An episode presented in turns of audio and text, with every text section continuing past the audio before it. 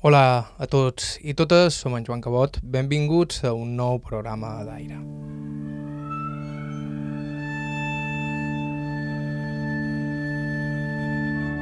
Avui amb el darrer programa de la temporada i el segon en què ens dedicam a recercar entre el nostre arxiu recent, arxiu que trobareu a ivetres.org barra carta o bé a través de qualsevol plataforma de podcasts.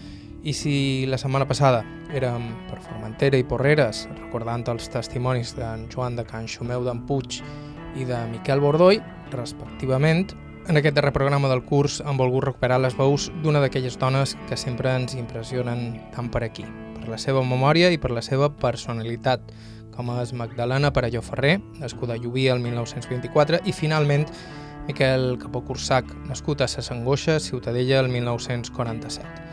Probablement el pagès menorquí més integral que m'ha entrevistat fins ara. Un homonot entranyable que ens va parlar del camp de l'illa com mai ningú ho havia fet abans. Amb aquests dos darrers testimonis posam nosaltres punt i final a un curs, el de 2021-2022, que acabam aquí. Així que un darrer cop, estàu escoltant aire a IB3 Ràdio, vos parla Joan Cabot, començam.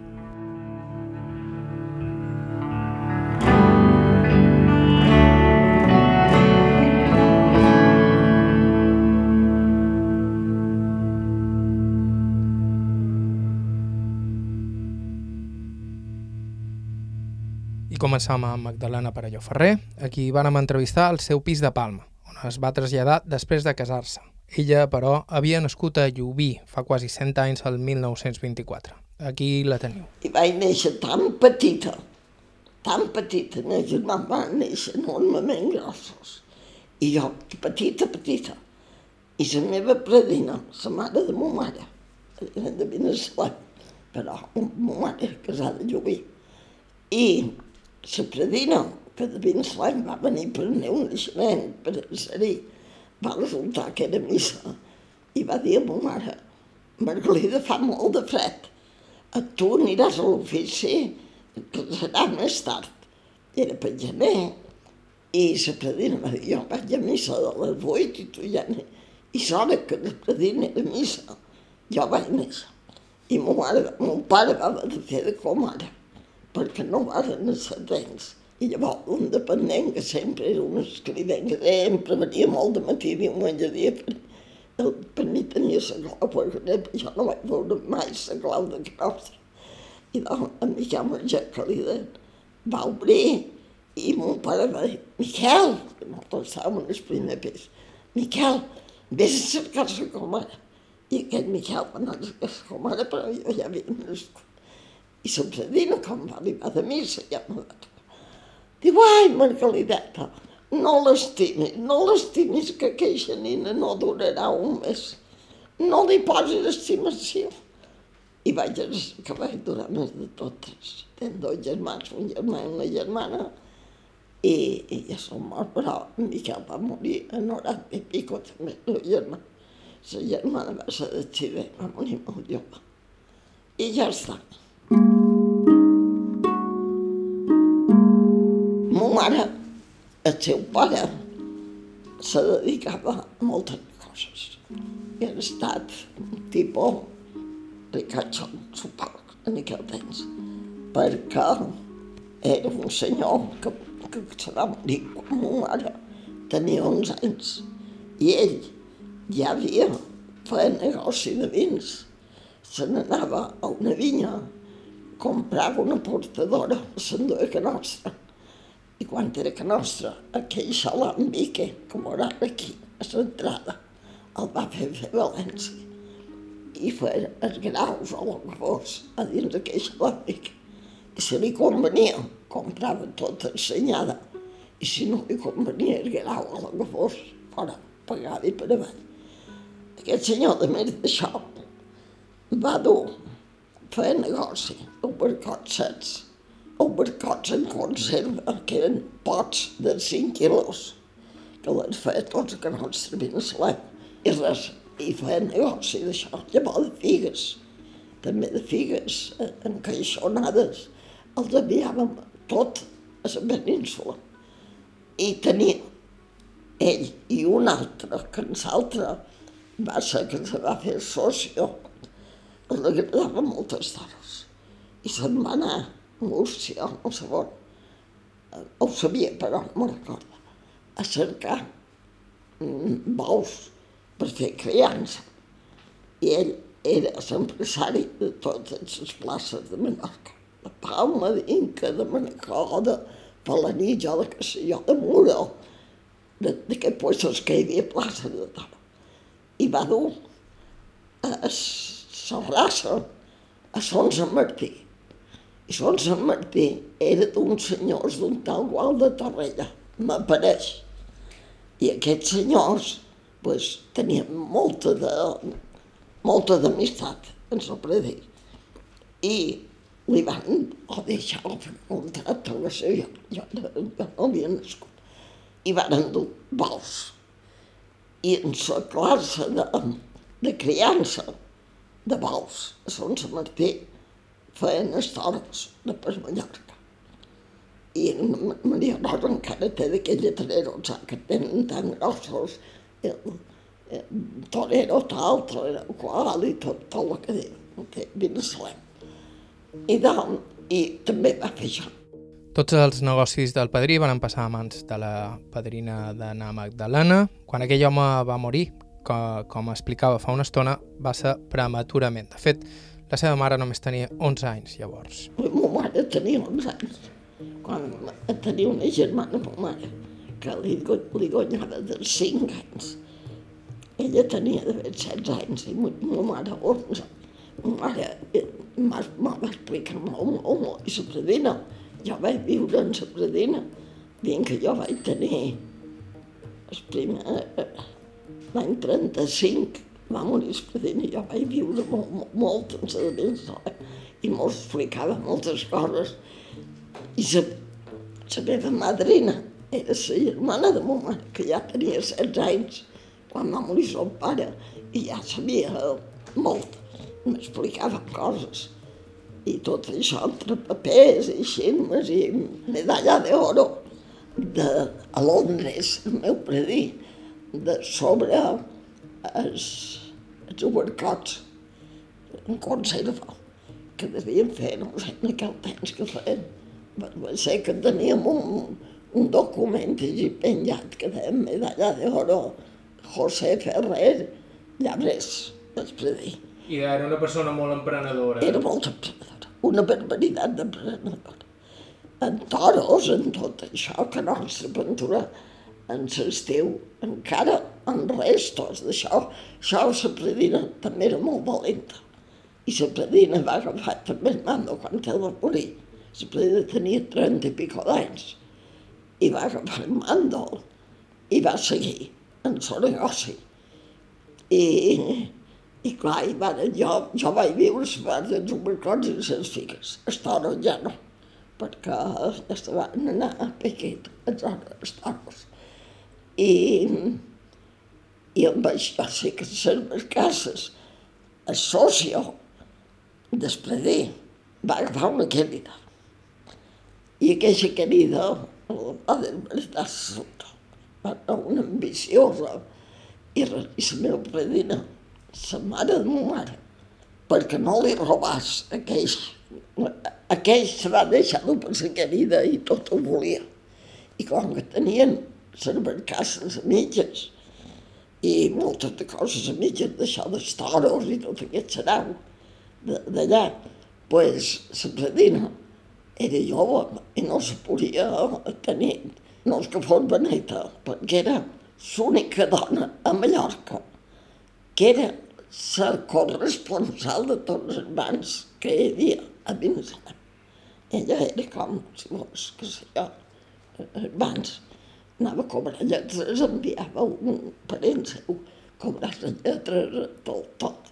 Jo encara la Marieta que posava tot més.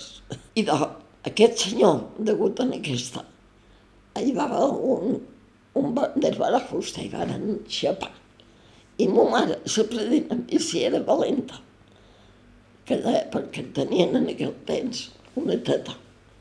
I aquesta teta que teníem va morir a la casa, perquè les estimava molt i, i va morir a la casa. I li deia, escolta, no diguis res a les. Jo me'n vaig via d'extrem, a Palma, un nit. Me'n vaig perquè m'ho vull aconsellar de firmar el document de tot. I com que en aquell temps no hi havia cotxes, hi havia les diligències, que anaven dels pobles a Palma i tornaven en, en galeres, com unes galeres. Diu, com que no vull que me vigilin, eh, on vaig, ni on no vaig. Me'n vaig en la nit i demà matí tot d'una arribaré i m'aniré a parlar amb Manuel de Torrella, que ells són abogats i saben els, i l'estimaven, a més. I, i, i predina, en la nit, passaria d'estret, a mi no se estava junt de vora l'estació. En aquell temps no hi havia carrer. Eh, l'estació, i llavors ja venien els nostres corals. I en aquests corals, jo record beníssim, que hi havia una estesa enorme d'obercats en el sol, en els canyissos. I, i, i fèiem molt de negoci, perquè enviaven caixons a Holanda, a Bèlgica, sobretot a Inglaterra, i, per, i de figues a Marsella, i a tots aquests puestos. I me recorda que jo era petiteta, però com que mon pare, després de, de que mon mare se va casar, amb, amb mon pare, va resultar que mon pare també amb això de negoci estava al corrent i va seguir. Mon mare ja devia ser, sempre dient ja era bé, però va dur en una sempre. I mon pare va agafar tota la marxa de, de que es prediria duit. I això m'ho feia bé estampar amb una, amb una llauneta xuxica de Miguel Perelló, MMP, i una trinxa així llarga, que devia dur el número com a d'identitat, que sé jo, ja ho dic així, perquè hi havia molt de números. I jo posava en el tampon i feia així. I llavors llevava la llam i totes les tapadores les no feia. De venir a 500, en tant de temps ho puc fer. Un pare de petits sempre me'n va fer ja responsable d'algú. No, no era allò de... Jugava i tot el que vols, però sempre mos agafava responsabilitat de cosa. Mon pare va ser, va ser continuació, diguem, lo que els prediments se l'havia fet. Però mon pare va ser, jo considero una excepció, una persona excepcional, perquè un home que en els 14 anys se deixa d'anar a escola, que va anar amb el mestre Vidal, que tots els, els alumnes del mestre Vidal dins el poble de Llubí se van conèixer. Eren, encara ara, encara ara no, ja no morts, però vint que han viscut s'han conegut, sigui perquè un fe de fuster, l'altre que feia de ferrer, l'altre que feia de mercader, l'altre que tenia una botiga, l'altre que feia una farinera. Tots, tots els alumnes que va tenir el mestre Vidal se van distingir. Mon pare va anar fins als 14 anys a escola. En els 14 anys se va ficar en tàperes. Tàperes. Va agafar mostres de tàperes. Va agafar un barrilet. Se'n va anar a Marsella. No havia rebut mai ué no mencia res. Va agafar un llibre que se de, el francès sin maestre.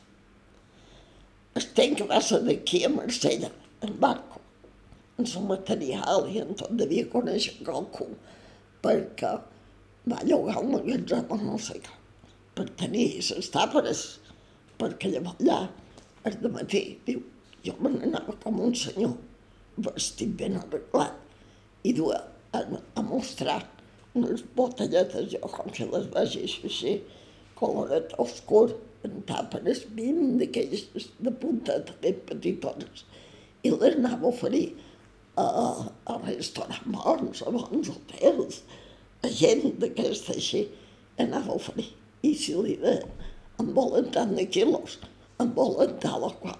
Llavors, de cap vespre, se posava amb un bavero de repartidor i se n'anaven amb un carretet.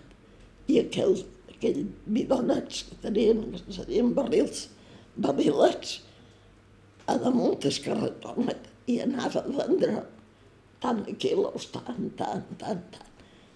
I d'aquells que parlava un francès horrorós, però s'entenia, perquè parlava un francès amarcellat, escarós per nosaltres que havíem après francès de París. Però se va entendre tot. Va anar a Nantes, va anar a Dijon, va anar després millor a Amiens, Bové, Bové bé, a tots aquests puestos així, i va anar a fer clients i clients i clients. I llavors ja li enviava en Marco, els que, els que volien, el que vols. Però, sí, i, per cert, que quan se va casar, això era de jovenet de 4, 14 anys i 15 i 16, llavors va voler posar una lambí i va fer licors. I al principi va llogar un químic i no, no hi havia manera. Que el químic el pagava, es predia de lloguer, feia de mercader. I ell li havia encara voltat, que volia que sigui formes que... perquè jo tinc totes les possessions millors de Mallorca, que ja les tinc de, de clients. Per tant, ja li tens la feina feta. I en Miquel ha de saber què. I en Miquel no volia saber què. En Miquel volia ser com un germà de sa mare, el tio Gerònim només Jeroni, i també era negociant amb bessó i coses d'aquestes. I tenia el primer cotxe de lluvia, el tio Jeroni. I, I havia un parc a Vilà que volia ser com aquell. I no volia ser mercader. I no, i no va voler ser mercader. I es prevé demanava a els amics que, que tal en Miquel, que tal que fa el licor com el pa i còcoli dolent i car. I jo dic, bé, bé, bé, bé, com que dic se desenganarà. I mon pare és tan, tan cabota. Vinga, vinga, vinga. Va despatxar el químic, se va posar ella a provar, i provar, i provar, i provar. I un dia, que no me recordo exacte, si era dia 11 d'agost, o si era dia primer d'agost d'un any, que no me recordo, que ell era jovenet, i va dir a un que després va ser cunyat seu, va dir, no te ollaràs, menys llorans, prova queixa que s'alla, que van dur queixa que s'alla. I damunt el coll des, de la cisterna, diu, me va posar així una copa de bolsa. Ui, Miquel, si féssim queixa que s'alla, ja podríem investir a tots els bars de Mallorca. I perquè molt millor que aquest altre, que era el millor que hi havia aquí, no sé què era. Si fos, i diu, això jo ja l'he fet. Va dir, mon pare, si és que tu ja te pots anar oferint-la a tots els... I aquest tio Llorenç, que llavors sabia, se va quedar amb una germana de mon pare, que ja eren majors, però encara van tenir un infant. I, de, i se'n va començar a anar amb aquella, amb aquella casalla a oferir, oferir, oferir. I llavors mon pare ja va fer, va fer anís, va fer, va fer com si fos quantro, un altre firma, Imperio, que llavors li van prohibir que se digués Imperio, li van posar Imper, i estar. Llavors va fer el rol a grutar, perquè el primer, a Lluvia hi havia un ronoro, que l'enviaven per tota Europa. I aquesta gent, que era de Calderó, li deien, de Malnà, Calderó. I el, el que ho va fer, que era l'abuelo d'aquell que nosaltres vam conèixer, va ser una persona molt emprenedora i feia gloses, també, aquest senyor, de Ronoro. I va donar a conèixer Ronoro per mitja Europa i va ser una gran cosa. Total, que mon pare allò li devia cridar l'atenció I també va fer ron, i va fer cansall, i va fer palo, i va fer de tot. Encara ara ho tenc, aquí de dins. Bueno, va resultar que aquest de Ronoro és una trista història, perquè que el senyor major se va morir i, i el fill no van aprofitar. El fill, que no havia Toni, en Toni llavors jo ho vaig conèixer, en aquell que ja, ja era molt major quan el vaig conèixer, però el vaig conèixer. I, i va anar minvant i minvant i minvant. I sabeu que la família d'aquell senyor que havia fet era considerada en el poble com, com una gent bien. Jo la recordava les de Càlera, que eren com, com més senyores, més... I, i ma mare anar minva, minva. I mon pare, que no va ser mai a dir lluir considerat pel que mon pare va fer lluir. No va ser mai considerat. Bueno, jo crec que em verge no el que fos. Total, que li feien pena aquelles senyores veure que havien estat i, i ja no eren.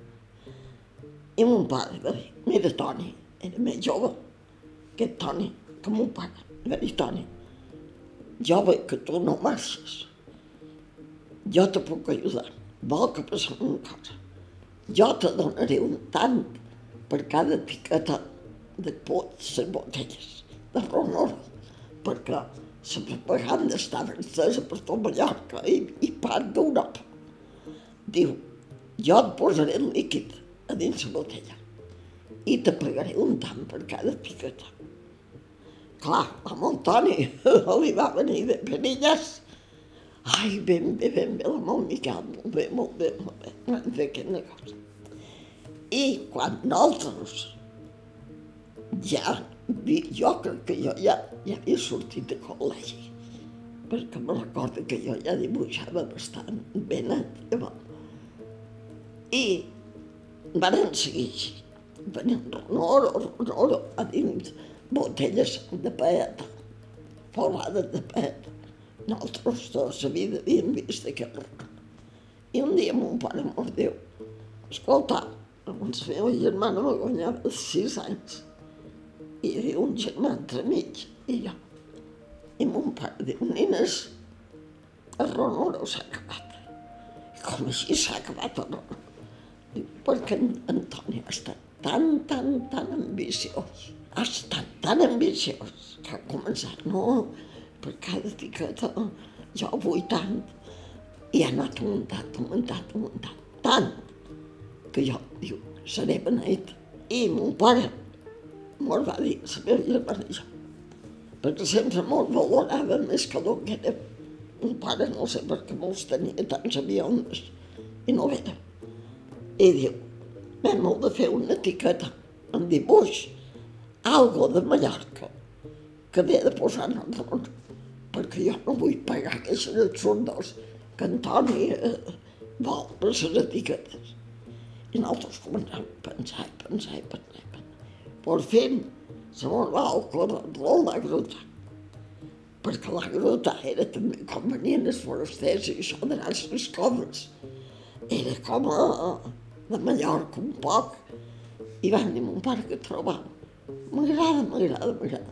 Li van fer un dibuix d'instal·lambites, així com van ensenyar. Sí, sí, sí, m'agrada, m'agrada. Se'n va anar en el puesto de, de registre i va dir, en lloc de Ronoro serà Rolàgrata. Se'n va anar un dibuixant bo, perquè nosaltres ho vam dibuixar a la nostra, però en aquell en color ja i en tot així, i molt va copiar el nostre, i li va agradar molt pare. Això està bé.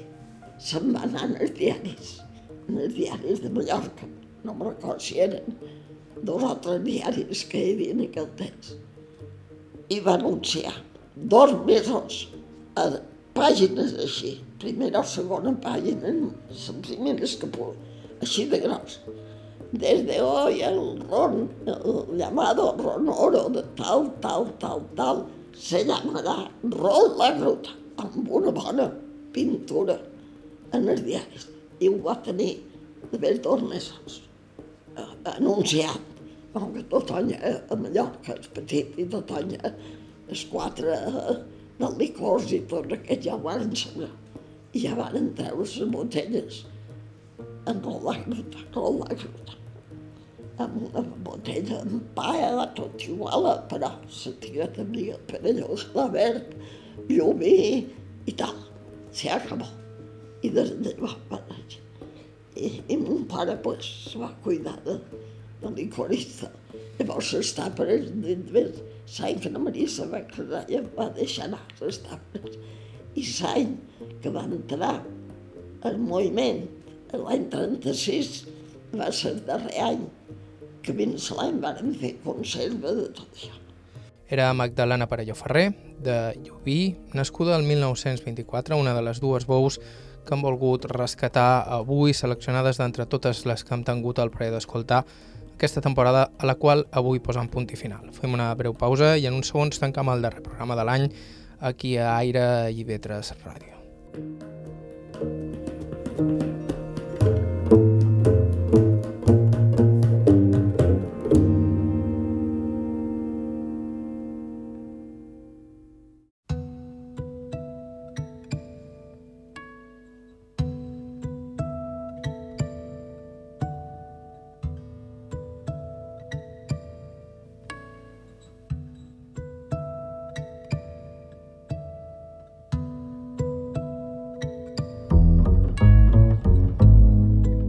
a tots i totes, som en Joan Cabot, estàu escoltant el darrer programa del curs d'aire. Continuem al llarg de l'estiu amb reposicions d'alguns dels nostres programes preferits del darrer any i, a part, us recordam que sempre teniu al vostre abast tot el nostre arxiu, tant a ib3.org barra carta com via podcast a qualsevol dels agradadors disponibles.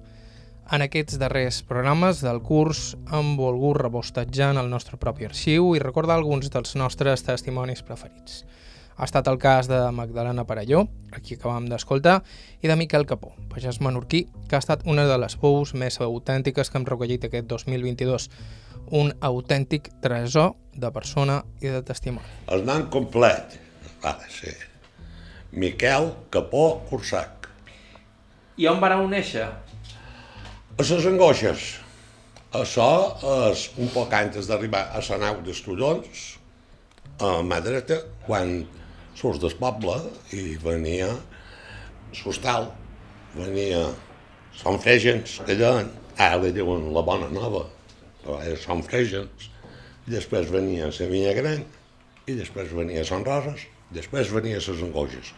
Quantes antes de la nau d'Estudons, quan d'aquí, que tindré jo, d'un quilòmetre de la nau d'Estudons, més o menys, uh, fos entrar a les Angoixes.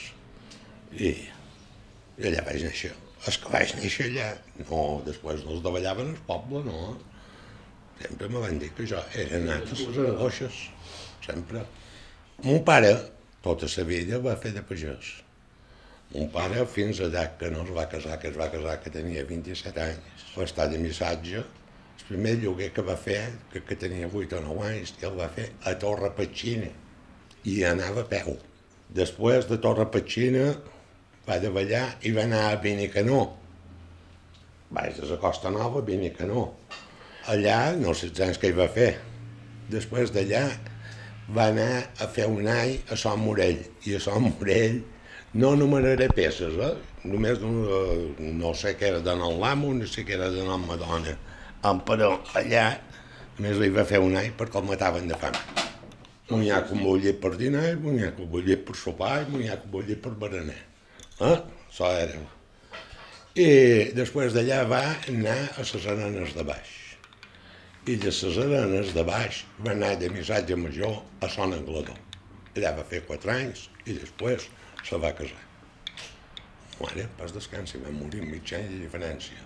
Mig any i cinc dies. Primer va morir mare, després va morir mon pare. I Son Anglador, allà hi va anar de missatge major. Però si tenia 24 o 5 anys, pots comptar que Terrall també de, de 90 i pico d'anys. I allà, si vols que te digui el que passava allà, era que el missatge major eh, era un pom, havia de ser un pom matxutxo. Uh, matxutxo vol dir que havia de veure un poc les feines i l'amo havia d'estar un poc tranquil amb ell. Un pare de tòfol, i li vaig dir, diu, tòfol, diu, és de venir de missatge en jo. L'amo de Sant Anglador. Diu, és de ser missatge major. Eh, i mon pare diu, no tens lloguer. Diu, sí, puc venir, eh? diu, si mos entenem de preu. I diu, què vols guanyar? Diu, després ratllaven en duros. Diu, jo vull guanyar 200 duros cada any. I els gelets. Gelets era sembrar quants melons. No te puc dir la quantitat de clos que tocava dels gelets. Semblava unes quantes cendres. Totes venien després. Semblava unes quantes patates. Un bé per a Pasqua, un porc, eh, un porc que havia de fer 30 quilos, per exemple. Després, eh, una focassa, tampoc no te puc dir el temps exacte que se donava, i després, me penso que dels gelats era tot. Però, els 200 duros que els l'amo un pau, ja hem dit el nom, l'amo, li diu, no, diu, no tots ho pot donar. Diu, només te'n pot donar 190. I mon pare diu, no, no veig. Diu, ja mira què faig, no veig. I van estar de la vegada 15 dies o so. Es van anar a Faguell, una vegada cada setmana. Es van, van estar tres setmanes. Diu, mira, no ho diguis a ningú, però te'ls daré. Diu, és de venir de missatge major. Bé, i si ho dius a ningú, si no ho dius a ningú, i no ho va dir. No ho va dir ningú. És que mos ho va dir nosaltres quan ja van ser grossos, això. Jo sempre era de els que me posava i sent... no demanava mai. Sentia el que es veia ratllaven els entrepassats. I a partir d'aquí, allà van, va veure coses rares, mon pare, coses rares que eren que seran de salot, perquè l'ot de barca, l'ot de barca era un lot que sempre era l'amo, entrava ram amb Madonna, perquè després no hi havia ni botano, ni hi havia res, entrava ram amb Madonna, anava amb l'amo a fer mamats anyelles que havien nascut, a replegar els bens, i, i el missatge llauraven. Doncs cinc o sis arades, cinc o sis arades volien dir dues de bous, almenys, i els cavalls i el macho, dos machos, o un macho i una mula, i, i això era. De les cases de Sant Anglador a la vorera de la mà, que a vegades llauraven, hi havia una hora per anar-hi. Les cases en aquest temps venien tres o quatre mesos que no sabien de dia mai.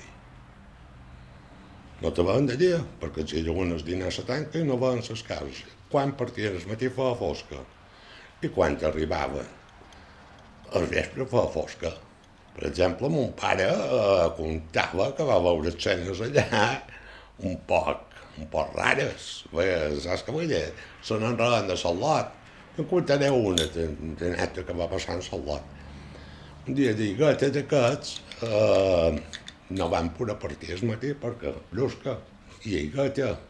I l'amo els diu, vinga, diu, poseu-vos a fer les estables dels matxos i, i els boers i, i això. I, I hi havia un missatge que era molt, molt bullenguero, a veure si mos entenem. I sempre de Salot, de Sant Enred, de Salot un poc, sempre de Salot. No és prou capaç a donar figues de moro per jo i un altre. No és prou capaç. I el dia que, que ploia, i feien de so, l'amo li diu, punyeta, diu a Salot, diu, ja estic cansat de sentir-lo. Diu, per què no vas? Diu, no un parell de paners de insultar a veure si se'ls acaba. Eh, com que Salot se'l ben creu. I se l'agafa els dos paners i es va remuar. Però ell va dur les figues de moro. I la qüestió és que arriba, diu, ala, diu, jas, li diu en el missatge. Diu, a veure si és capaç, acabat teu. En això, hi havia un bau que li donen ros, jo sempre ho sentia contar, bau que li donen ros, i el bau aquest agafava i no dic res. I aquest agafa un panell, la boca en el bou, i es bou, pim, pam, pim, pena, i ell quitava. A l'arròs, no em facis quedar malament. Clar, no n'hi va dir prou, te fiques de mare per, per bou i ell. Per jo i un altre li havia dit sempre. Però no li havia dit i coses d'aquestes. La si mos entenem, em van passar. Moltes. Que tant de dir jo. Mon pare, eh, quan que és missatge major, sempre llaurava, en aquest temps llaurava, quan havien passat, quan havien passat Nadal, llaurava, fins que anaven a segar ordi. Se va segar ordi damunt els mesos de maig, darreries de maig, se comença a segar ordi. I fins que no anaven a segar ordi, quan anaven a segar ordi, quan treballaven, 10 segadors a segar ordi, com a mínim, 10. I quan es segava tot a faus, segava tot a faus, i, i vinga, quan hi havia les 30 garbes fetes, primeres, mon pare ja posava els bats, els bats a els matxos, a tres matxos, cap a garbatger. Cada matxo dua damunt ses, damunt ses costelles, diguéssim, les bats que posava una garba, tirava dues més i una mig. Ja no mullava un cap a cera, i els matxos ja agafaven els carrerany. Carregava els altres dos i vinga, cap a cera. I així es garbatjava. Acabava acabava de garbatjar i 10 o 12 vícies dins era a batre. Batien, es batre quan havies batut tres vegades ho havies d'agafar en paral. Els de davant havia de mirar de triar un poc el gra i la pa havia de sortir. Fins a l'hora de berenar, dos entrar pa haja. Uns altres a tirar garbes dins cera per tornar a batre. Però quan havien batut tres quatre vegades, tres quatre dies, sencera, eh, agafaves i havies de passar la forca, havies de treure-lo de damunt, després havies de passar la forca de quatre, després havies de passar la pala, quan tenies el gra un poc net, el posaves dins una altra era que hi havia, normalment sempre hi havia dues eres. I això va ser la de mon pare, després es va fer pagès, i jo sempre escoltava coses. Va anar, després es va fer pagès i va anar, a es diu Santo Tomàs de Villanueva, que és eh, so tant és que m'hi veien, però després s'has dit sempre són pístolen, però el senyor Juanito Pons, no me sap creure no me n'el aquest, el senyor Juanito Pons aquest, va voler que es digués Santo Tomàs, Sant Tomàs. Bé, i mon pare va anar allà i va fer set anys, o vuit, entre set i vuit anys. I després li van donar les angoixes. I a les angoixes, després allà, eh, jo hi vaig néixer, el germà ja tenia set anys, en pas descans, que també és mort. La germana va anar a les angoixes que tenia de set o de vuit mesos, i jo vaig néixer després. Jo som el petit. Quin any vareu néixer? Quin any vaig néixer? El 47. El 47. Mes d'agost del 47, dia 30 d'agost, faig 16 anys. L'agost passat em vaig fer 74. A edat d'11 anys, a edat d'11 anys me van dir, ara anaràs a l'escola. L'escola va ser anar a un mestre particular, 4 o 5 o 6 pagesos d'aquests, de 8 del matí a 9, perquè a les... després ja hi havia escoles, veure si mos entenem, quan jo vaig tenir 10 o 11 anys. Però els pagesos no. Quan antes de partir no havia d'anar a els vents i a les 8 havies de l'escola, perquè això passava. A partir d'aquí jo vaig anar a escola, però saps on vaig anar? A jugar. Escola res, perquè tenia molta juguera. El germà es descansa, ara vinga, deixa'm fer, no, no, no vaig de jugar jo. Ell tenia 12 anys més que jo, la germana i mon pare.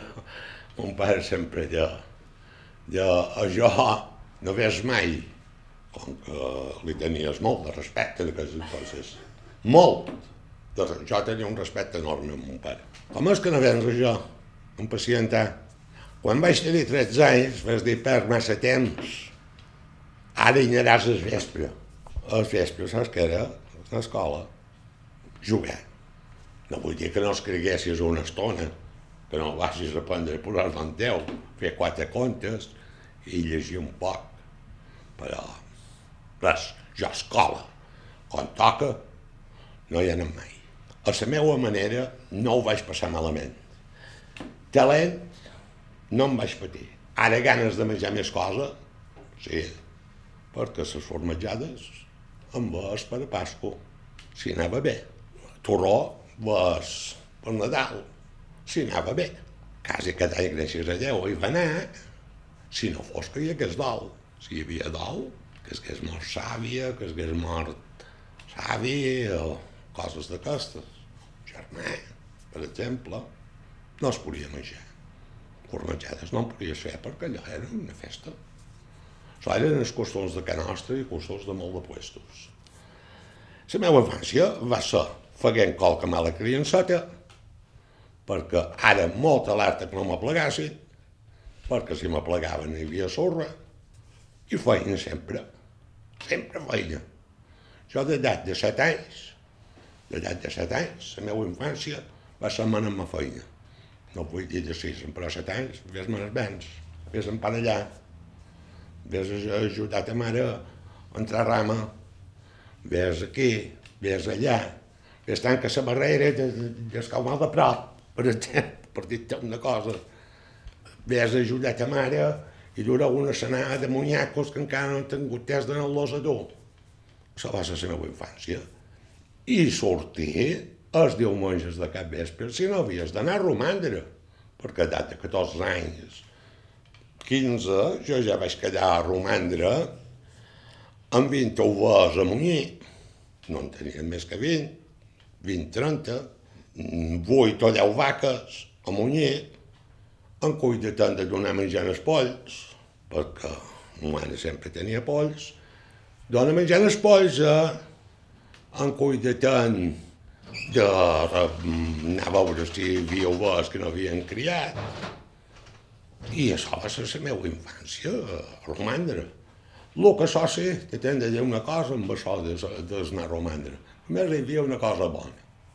Sobrassada menjaves quasi sempre, però els diumenges ma dona tenia de costum deixar en el missatge on es feia, on es que fos, on es que quedava a romandre, un bocí de sobrassada i tres ous.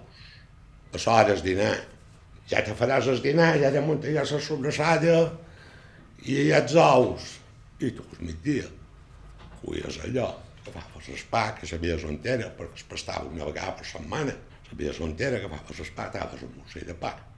Nota, un dinar de dalt de tot. Però els cap vespre ja us havies dinat. Podries córrer i no vagis a munyir massa presta, perquè si vas a morir massa prest, les vaques no duren llet. A vegades, eh, en vez d'anar-hi a les 6, hi anaves a les 5, però quan arribava mon pare hi havia mala cara. El que mon pare i ma mare no va ser gent de fer molt fos mai de Ciutadella. I els deu monges que jo anava a romandre, i germà també, normalment, això era la meva infància, fins a edat de 22 o 3 anys me vaig passar. Els diumenges, normalment, me diuen, bueno, tens pols posada, herba posada, deia, perquè la, la quaco es fa de carxofera. Ja tens això, nosaltres ja formatgerem. Si vols anar a Ciutadella, pots comptar tu. Eren les vuit. Arribaves amb una bicicleta a Ciutadella a les nou. La cerlota, que després ja tenies idees entre de 7 i de 8 anys i això és a dir, d'anar darrere lotes o del que li volguessis dir, pues, ja s'havien anat. Bé, saps què passava? Mira, trobaves tres o quatre amics i normalment fos dos o tres conyacs, conyac dolç, que jo... I, i això va ser la meva infància, més o menys, més o menys, fent qualque mala criançeta, perquè nosaltres allà no hi havia rama i clar, havies de mestre això jo també havia de fer anys per agost i ho vaig fer amb un 16 d'agost. Encara teníem missatge casa nostra i jo era el de, de 4, havia de fer 5 anys. I tot el matí el missatge i el germà van anar dur de dins les arenes de dalt, que havien dat rama i això, havien dat dos cents feixos. No sé si no es pagaven a pessetes feix o una cosa així que havien ja el senyor i els majorals donava un musser i aquí pots estar. I taves, fos dos cents feixos. Clar, i en dues setze cada, cada viatge. I en l'any de viatges. I això devia ser damunt... Jo no tenia cinc anys, es devia de fer. Però ja mm, damunt, acabàrem a 10 d'agost. I tot el matí mon pare va fer festers perquè després tornava ben xarmat. I, i jo m'ha fet foc. No, tots l'os no fan foc. Vinga, teva, fotem una cotellada. Això m'ha fet foc mon pare, perquè després li deia els vos, no li deia ni vostè ni tu, no, després era vos. I, i això m'ha fet foc. Que no, Deva, que fotem una cotellada, t'he dit. I jo, cremat, perquè no podia fer foc. I ganes de fer foc. Després s'anava a dormir. El migdia anaven a fer la siesta, a dormir una horeta, una horeta primeta. I, i ma mare pigava foc al forn. Me recordo, no sé què havia de coure. I el matí havien duit el darrer viatge, dos seus eixos de rama.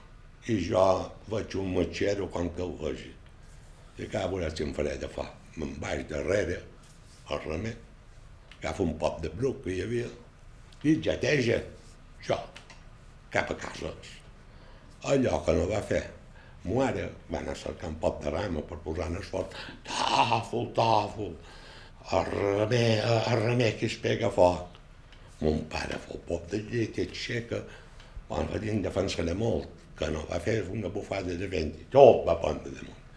Dels dos seus feixos em va defensar un. I encara com que sigui ara, jo amagallat, allò, saps què vull dir? Ben igual com que no havia fet res. I el que, que, que en sa cara meva ho fan. I la qüestió és que, bueno, allò ha estat una espina d'esforn que aquí, que allà. I mon pare una carota, el vegi, malai, perquè després eh, no tenien res per tornar a fer foc. I la qüestió és que ma mare, quan no em va poder dur més, m'agafa els braços i ben estret. Diu, digue-m'ho si ets estat tu. Com que la veig encara, de, de, que jo tremolava. I, i me diu, ah, m'agafen ganes de riure i no em fa. Però bueno, me diu, diu, digue-m'ho si ets estat tu. Digue-m'ho.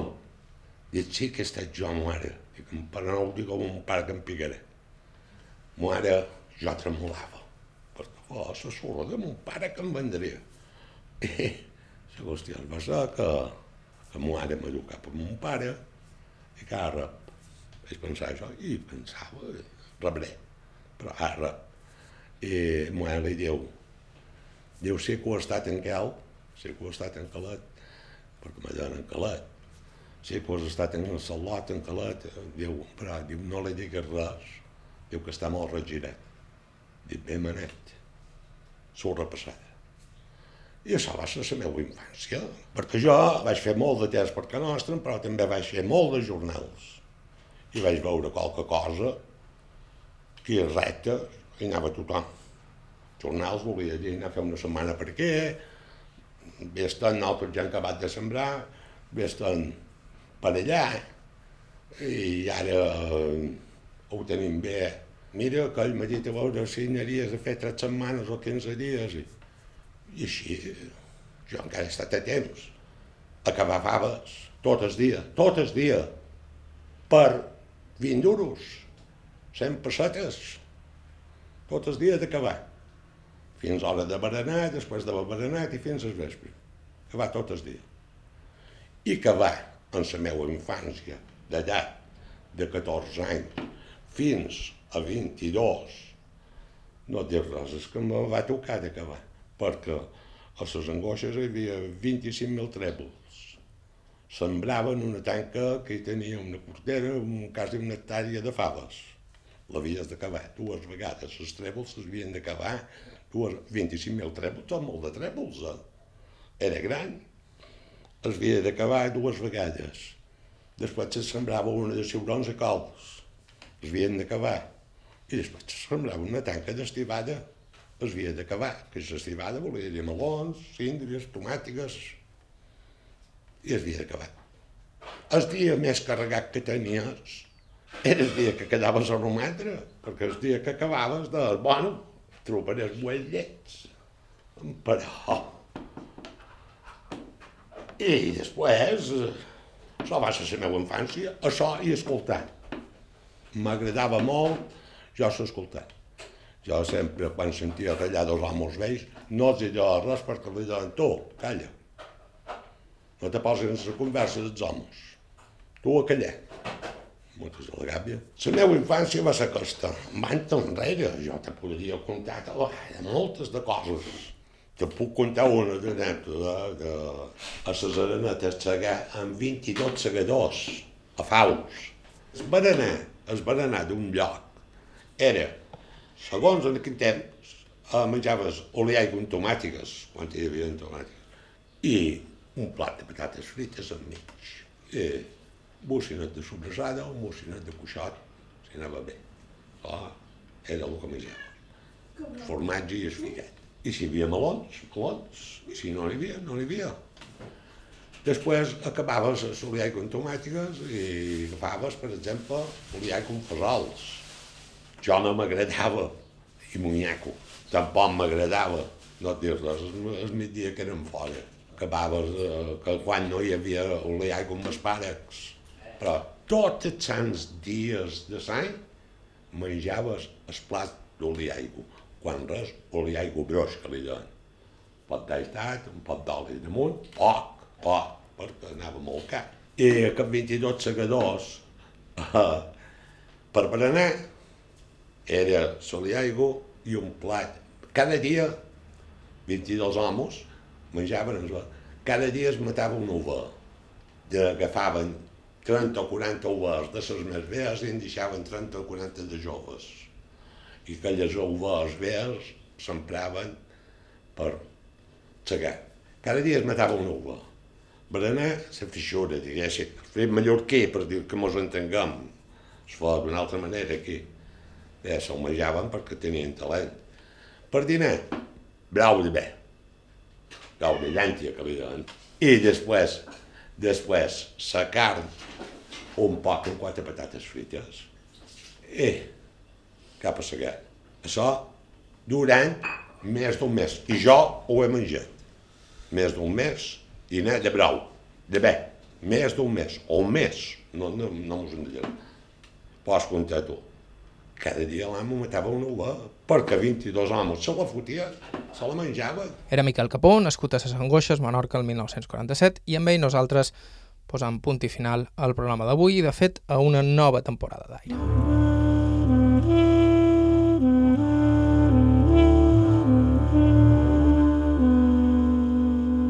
Moltíssimes gràcies a tota la gent que m'ha entrevistat durant aquests darrers mesos i moltíssimes gràcies a tothom que ens ha escrit o ens ha fet arribar alguna proposta d'entrevista. Sempre ho deim, fer aquest programa és un autèntic privilegi. Esperam ser-ne dignes un any més després de l'estiu.